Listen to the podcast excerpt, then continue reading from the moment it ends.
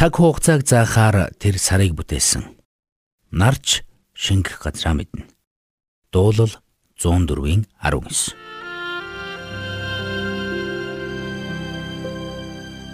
Мэргэний сонсог, мэдлэгийн тэлэг. Ухаалх нь мэрэгэн удирдамжийг мөн авах. Доктор Харалт цаалогийн мэрэгэн зөвлөмж нэвтрүүлэг.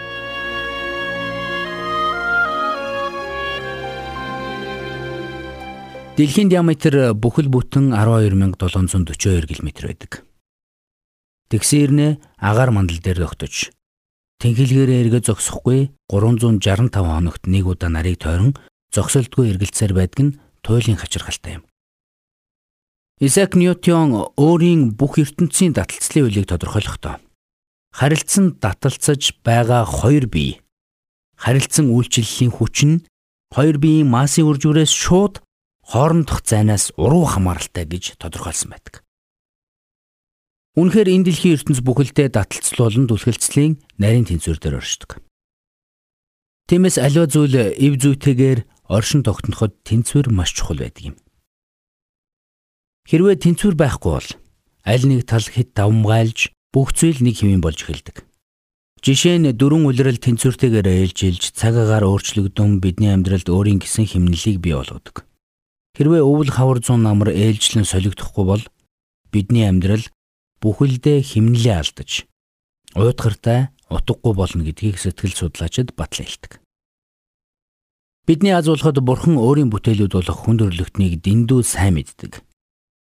Тэдний амьдралд тэнцвэр хэрэгтэй гэдгийг ч тэр сайн мэддэг. Цаг агаар байгаль орчны тэнцвэртэй байдал бидний амьдралд амин чухал байдаг шиг бидний хувийн амьдралч мөн өөрөө тэнцвэртэй байх учиртай юм.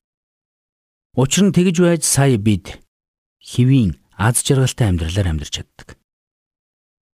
Харин бид амьдралынхаа тэнцвэртэй байдлыг алдах үед бидний амьдрал аль нэг тал руугаа хилбиж амьдралд хандах бидний хандлагч өрөөсгөл болж эхэлдэг.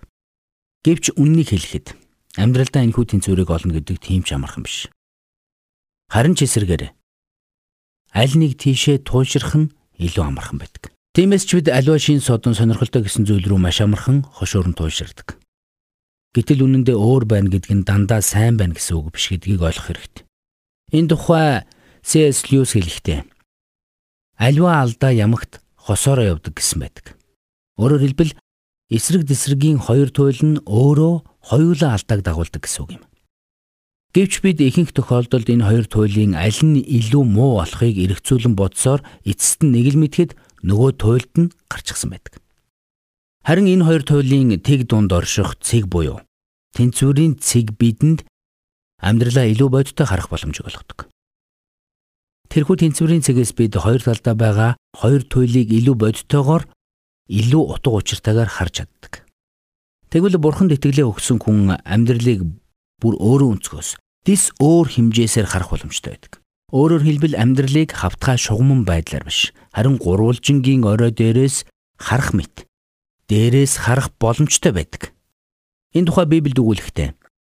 Аливаа хүн Христэд итгэх үед тэр хүн цоо шин бүтээл болдог хэмээн тунхагласан байна. Ингэснээр бид Христийн дотроос амьдралыг дис өөрнүүдээр харж чаддаг. Тиймээс бид цаашид амьдралдаа хоёр туйлын дундах тэнцвэрийн цэгийг олох гэж зүдрэх бус харин Христийн доторх хөдлөшгүй байр сууриас амьдралаа бүхлээр нь харж чаддаг. Өөрөөр хэлбэл бурханд итгэх итгэл бидэнд дисөөр тэнцвэрийг өгдөг байна. Бидний амьдралд дисөөр химнэл, дисөөр утга учир, дис өөр зориг чиглэлийг өгдөг. Өнөөдөр бидний эргэн тойронд амьдарч байгаа хүмүүс санаа зовнил, буруутгал, сэтгэл готрол төгшүүрээр дүүрэн амьдарч байна. Учир нь Бурхны оршихугаас өөр хаанаас ч бид жинхэнэ тэнцвэртэй байдал, жинхэнэ доктортой байдлыг олж чадахгүй. Харин бид Христэд итгэж Бидний итгэл бидний амьдралын зангуу болон хувирах үед сая бидний амьдрал ямар ч салхи шуурганд үл ганхах хөдлөшгүй багн болон хувирдаг. Өнөөгийн энэ хөл толгойн олдохгүй дэлхийн ертөнцид бидэнд амьдралын зөв химнэл болон амьдралын утга учирыг өгөгч нэгэн бол зөвхөн Бурхан гэдгийг та битгий мартаарай.